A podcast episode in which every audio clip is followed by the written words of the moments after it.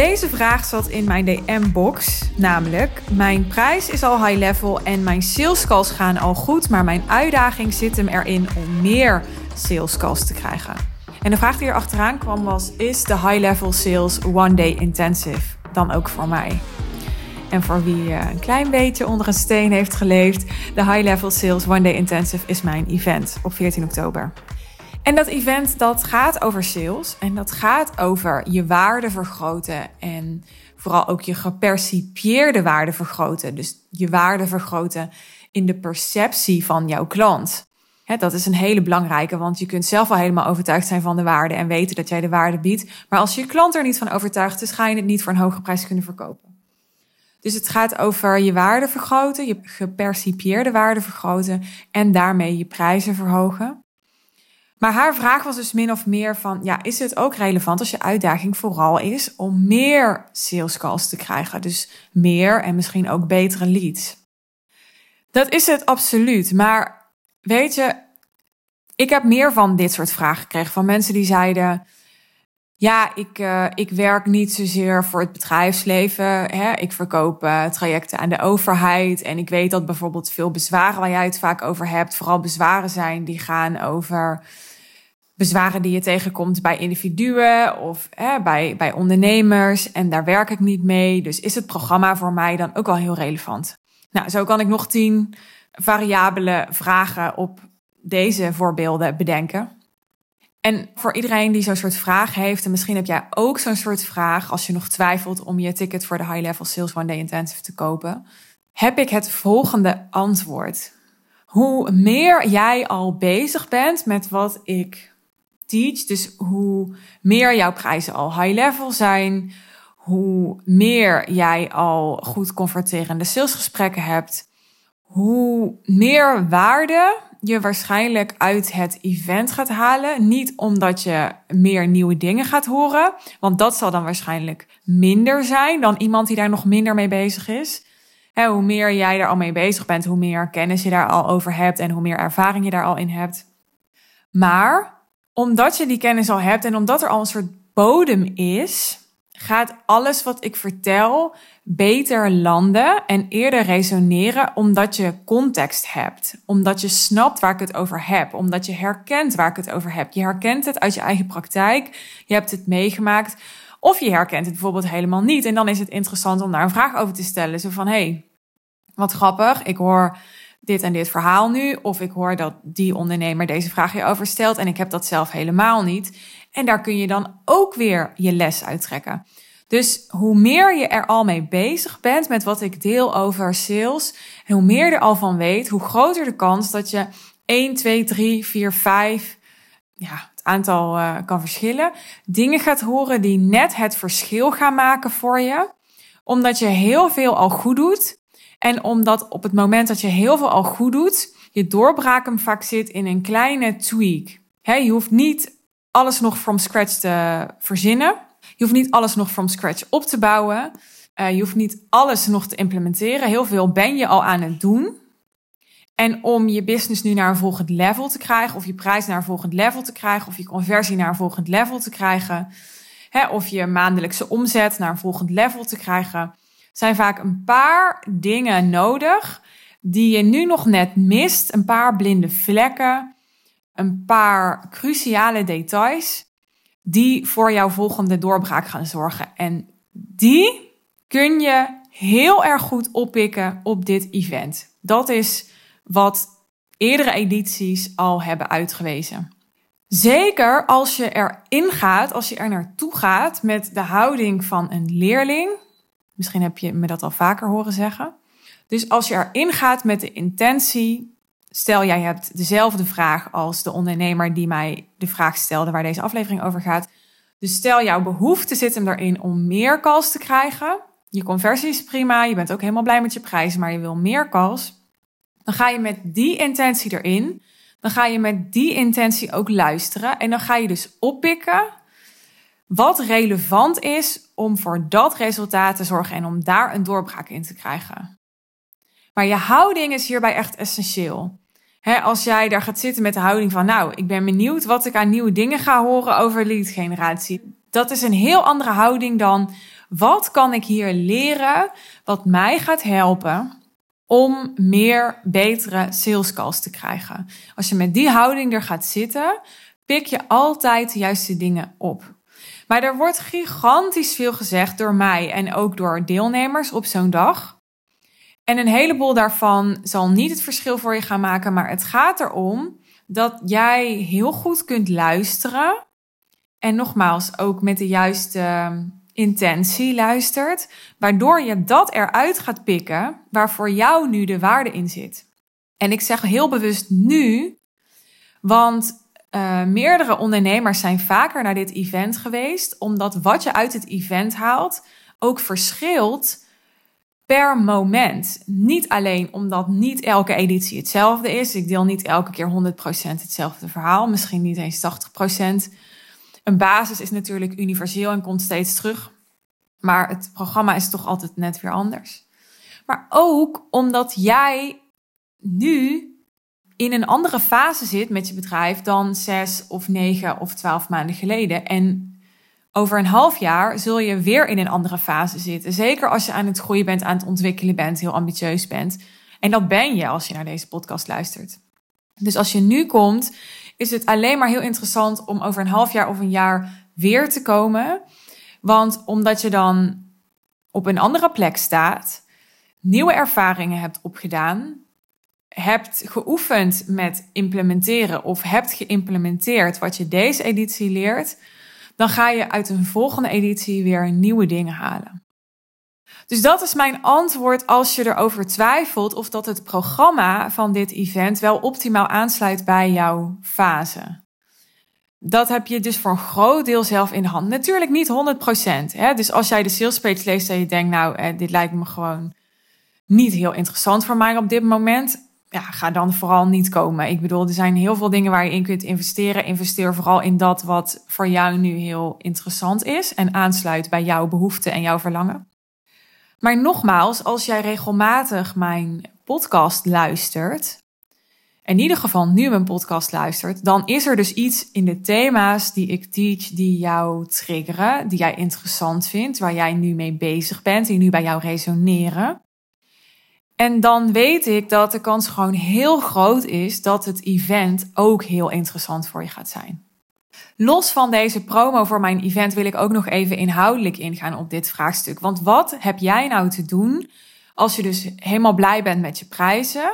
Ik geloof dat de ondernemer die dit mij vroeg nu een aanbod van 12.000 euro of zo heeft. Nou, dat is op zich een hele mooie prijs, natuurlijk afhankelijk van je niche en je branche. En haar conversie is ook goed. Dus zodra ze iemand spreekt, dan uh, wordt diegene heel vaak klant. Maar die lead generatie komt maar niet echt op gang. Hè, wat zijn dan knoppen waar je aan kunt draaien? Zeg ik altijd. Hè? Ik zie het gewoon als soort, ja, soort uh, fabriek met allemaal uh, schakels en hoe zeg je dat? Uh, hefbomen en ehm, knoppen en aandrijfwielen en dat soort dingen. Dus als je het gewoon heel pragmatisch bekijkt, waar zit dan nu jouw oplossing? Ik wil beginnen met je drie vragen te stellen. Want dit is namelijk heel situatieafhankelijk waar de oplossing zit. Dus ik kan niet heel specifiek zijn, omdat ik dan gewoon eerst nog veel meer informatie nodig heb van jou als ondernemer. Dus mocht dit thema je aanspreken en je denkt, ja, dit is precies mijn probleem, voel je vrij om even contact met me te zoeken via DM. Dan kijk ik of ik je persoonlijk kan helpen. Maar in zijn algemeenheid wil ik je drie vragen stellen om je vast mee op weg te helpen. En dat is, ben je al consistent? Dat is vraag 1. En met consistent bedoel ik, zit er al een duidelijk en frequent ritme? Of zit er al een ritme in met een, een duidelijke en voldoende frequentie? In je zichtbaarheid. Maar niet alleen in je zichtbaarheid. Consistentie gaat verder dan hoe consistent je bent met bijvoorbeeld posts op social media. Consistentie zit hem er ook in. Maak jij elke keer hetzelfde punt? Snijd je elke keer hetzelfde thema aan? Of werk je eigenlijk nog rondom een heel breed onderwerp? Dus stel jouw onderwerp, jouw thema waar jij je klanten bij helpt, is leiderschap. Nou, dat is heel breed. dus als je het dan de ene keer hebt over uh, leiderschap bij je team, hè, dus als leidinggevende, en de andere keer over leiderschap. Als jij als visionair op een podium staat en de volgende keer over leiderschap. Ehm, tegenover jouw klanten, als het gaat om je grenzen aangeven bij je klanten. Dat zijn al allemaal best heel verschillende thema's. En als je daarin niet heel duidelijk een soort positie kiest en consistent bent in het punt dat jij specifiek wilt maken als het gaat over leiderschap, dan is voor mensen onvoldoende duidelijk waarvoor ze precies bij jou moeten zijn, waar jij de expert in bent, waarom jij hè, de aangewezen persoon bent om hen bij dit thema te helpen en waarom ze niet naar hè, een van die honderd of duizend of van mijn part honderdduizend andere leiderschapstrainers of coaches of consultants kunnen gaan.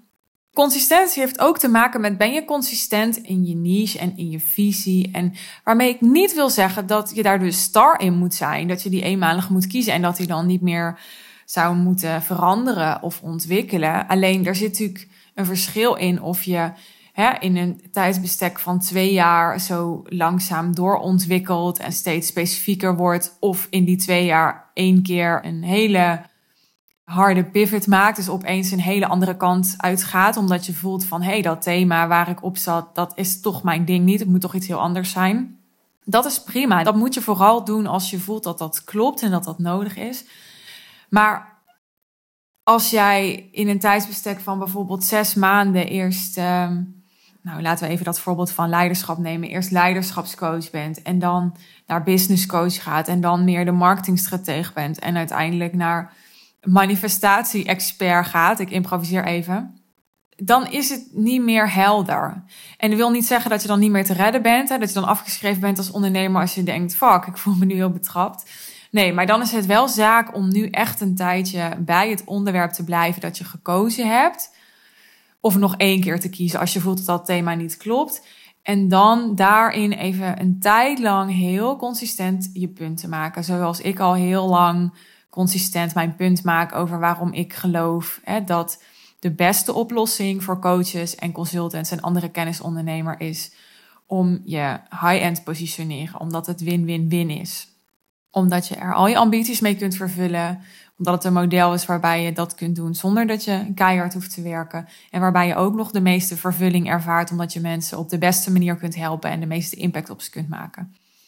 En ja, hoewel mijn, mijn niche, mijn boodschap en mijn visie zich absoluut in de afgelopen drie jaar hebben ontwikkeld, is dat nog steeds hetzelfde thema en zit daar dus consistentie in. dus vergis je daar niet in dat ik wel al drie jaar consistent ben. Dus als jij nu op een thema zit waar je pas twee maanden uh, heel zichtbaar mee bent, of waar je pas twee maanden echt je visie over uitdraagt, weet dan dat er ook gewoon echt soms geduld nodig is om dat momentum te creëren. En dat als je toch dat geduld opbrengt en ondertussen consistent blijft, hè, je succes waarschijnlijk echt gaat komen. Ik zeg bewust waarschijnlijk, omdat consistentie natuurlijk niet het enige is. Hè. Je kunt ook consistent iets doen wat totaal niet werkt. Dus ik ben altijd voorzichtig met heel stellige uitspraken doen wat dat betreft. Nou ja, ik ben wel stellig, maar overal zit een nuance aan en er is gewoon persoonlijk advies nodig om je hier echt goed bij te kunnen helpen. Dat wil ik even benadrukken. Nou, naast consistentie en naast de vraag van ben je al consistent genoeg? En nou, ik zal even nog wat voorbeelden noemen waarin consistentie terug kan komen. Dus in je zichtbaarheid, je thema en je niche.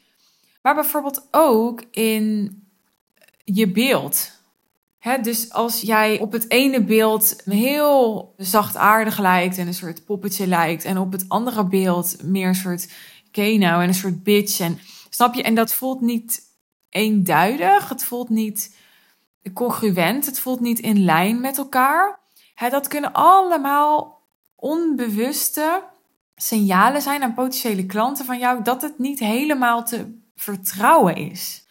Want consistentie creëert betrouwbaarheid bij je potentiële klanten. Dus hoe consistenter jij bent in alle dingen waar je voor staat en die je doet en die je zegt en ook die je niet doet. En hoe meer vertrouwen je creëert en hoe meer vertrouwen er is, hoe gemakkelijker iemand over de drempel kan gaan om contact met je op te nemen. Vertrouwen is niet het enige, er moet ook overtuigingskracht zijn. Maar daar kom ik nu op. Want naast consistentie is ook expertise, heel belangrijk. Dus in hoeverre uh, laat jij voldoende expertise zien? Want als jij iemand bent die, uh, ik zeg maar wat, een achtergrond heeft als blogger of vlogger, net zoals ik, en heel veel uh, volgers hebt, maar vooral omdat je elke keer laat zien wat voor ontbijtjes je eet en hoe leuk je outfits zijn. En mensen dat tof vinden om te volgen. Omdat je heel mooi bent, of je heel succesvol bent, of iets anders bij je zien wat ze ambiëren. Maar je drukt in je content of in je boodschap onvoldoende expertise uit. Dus dat jij de expert bent op een specifiek gebied. En er zit onvoldoende diepgang in je post. En je roept onvoldoende een kennisgat op met je post. Dus dat mensen voelen van wow, hè, dit is maar topje van de ijsberg. Ze heeft zoveel hierover te vertellen. Ze weet zoveel hierover. Als dat mist, dan word je een soort persoon waar mensen wel fan van kunnen worden of enthousiast over kunnen zijn, maar waarin ze niet een groot bedrag gaan investeren. dit is iets wat dus bij uh, influencers met een grote following uh, aan de hand kan zijn. Maar wat even goed bij jou aan de hand kan zijn als je geen influencer bent met een grote following en helemaal geen grote following hebt, maar het bijvoorbeeld ingewikkeld vindt om ergens voor te gaan staan. Hè, omdat je toch nog ergens een soort blokkade hebt op ja, dat je vindt dat, dat er overal nuance aan is. Hè, dat er meerdere kanten van het verhaal belicht moeten worden. Misschien heb je de neiging heel genuanceerd en beschouwend te zijn van jezelf. Hele slimme mensen hebben dit vaak. Hè? Daar heb ik al eerder, eens een eh, aflevering over opgenomen. Dus je kunt vanuit allerlei hele goede intenties het moeilijk vinden om echt die expert-status te claimen. Maar ook dat is nodig om heel aantrekkelijk te zijn voor leads en contact te krijgen met de juiste mensen. Want als het alleen maar ja, wel een beetje interessant of leerzaam is wat je doet, maar mensen voelen niet dat er nog zoveel meer te halen is en dat datgene wat er te halen is ook echt gigantisch transformatief voor ze gaat zijn. En wees daar nou even kritisch op voor jezelf, hè? want het is makkelijk om te denken van ja, maar ik zorg voor een grote transformatie. En, maar verplaats je nu eens even in die ideale klant die jij wil als lead, hè, met wie jij wil, wil bellen tijdens een sales call. Ervaart hij of zij dat ook? Kan hij of zij dat ook ervaren door wat jij nu van jezelf laat zien en door wat jij nu deelt? Wees daar eens even eerlijk over. Reflecteer daar even over bij jezelf. Of reflecteer daar even op bij jezelf. En de derde, naast consistentie en expertise, zit hem in persoonlijkheid. Dus houd jij bewust of onbewust mensen op afstand of creëer je afstand? Ben je niet zo heel erg persoonlijk omdat je denkt, nou het is toch helemaal niet relevant dat mensen weten uh, hoe oud mijn kinderen zijn of waar ik naartoe op vakantie ga of, um, hè, of ik uh, gay ben of niet. Ik noem even een willekeurig voorbeeld. Maar dat is dus wel relevant, want het is echt zo'n cliché, maar mensen kopen van mensen. En hoe meer mensen mogen verbinden met jou als persoon en echt kunnen verbinden ook van hart tot hart. Dus niet op basis van rationele argumenten of zo, omdat jullie het zelf hebben gestudeerd. Maar zelfs al zou dat zo zijn, dan nog moet iemand wel weten wat je hebt gestudeerd. Anders kan iemand niet weten dat jullie het zelf hebben gestudeerd. Maar hoe meer persoonlijke dingen jij dus zowel in feiten als ook subjectieve dingen, dus ervaringen, meningen, waarden, jij deelt over jezelf, hoe meer iemand kan voelen dat juist jij de match bent voor hem of haar. En niet iemand anders. Want misschien zijn er heel veel anderen die dezelfde expertise hebben als jij. Maar omdat jij bepaalde waarden hebt die echt heel belangrijk zijn voor jouw potentiële klant ik, ik noem maar even wat. Als jij bijvoorbeeld laat zien dat je heel veel om dieren geeft, dat je daarvoor vrijwilligerswerk doet en dat je um, je hond op een bepaalde manier opvoedt of juist vrijlaat, of dat je misschien wel um, je inzet voor uh, bepaalde goede doelen die je potentiële klant ook steunt. Voel je hoe specifiek zoiets het verschil kan maken? Want als er vijf mensen zijn en ze doen alle vijf hetzelfde, maar datgene is wat jullie verbindt aan elkaar en waarin jouw potentiële klant zich helemaal herkent in jou en ook waardoor jouw potentiële klant superveel waardering heeft voor jou, omdat jij doet en zo leeft op een manier die voor hem of haar heel belangrijk is, ja, je voelt dat iemand dan natuurlijk geneigd zal zijn voor jou te kiezen. En ik denk dat veel mensen misschien die persoonlijkheid een beetje achterwege laten, omdat ze denken, ja, maar het kan ook de andere kant op werken. dus stel je bent bijvoorbeeld christen en je houdt dat een beetje achterwege. Je houdt dat een beetje achter slot en grendel. Of ja, je praat er eigenlijk nooit over. Omdat je denkt, ja, het zou niks uit moeten maken. Want uh, ja, ik wil net zo goed uh, moslims als klant. Of uh, hè, dat is gewoon van mij, dat is persoonlijk. En dat staat helemaal los van wat ik doe. Ja, het kan zo zijn dat een moslim daardoor denkt: nou ja, ik ga liever naar een andere moslim, want ehm, ik heb daar moeite mee. Dat kan zo zijn. Maar waar je mensen afstoot, trek je ook mensen aan. Dus waar je anderen mee zult wegjagen, tussen aanhalingstekens, zal de groep die zich daar wel toe aangetrokken voelt eerder naar je toe komen. Wat er alleen maar in resulteert dat de mensen die naar je toe komen beter bij je zullen passen. En nog even los van dat dat gewoon natuurlijk prettig is in de samenwerking, ga je daar ook weer meer salescast door krijgen. Want hoe beter de klanten die je al hebt bij je passen, hoe enthousiaster ze over je zullen zijn, hoe eerder ze over je zullen praten in hun netwerk, in hun omgeving, hoe eerder ze je zullen aanbevelen, hoe eerder jij weer salescast krijgt van andere klanten die op jouw ideale klanten lijken en die ook met je willen werken. Voel je? Dus die consistentie, persoonlijkheid en expertise, dat zijn dan drie dingen om even naar te kijken als je niet tevreden bent over het aantal goede salescalls dat je op dit moment in je agenda hebt staan. Wil je meer? Kom dan naar de High Level Sales One Day Intensive op 14 oktober. Nu geldt het early bird aanbod nog, dus claim jouw ticket via de link in de omschrijving bij deze aflevering. Dankjewel dat je weer luisterde. Leuk als je even van je laat horen in een DM, dan weet ik dat je geluisterd hebt en dan eh, heb ik een gezicht bij die cijfertjes. En heel graag tot de volgende aflevering. Bye bye!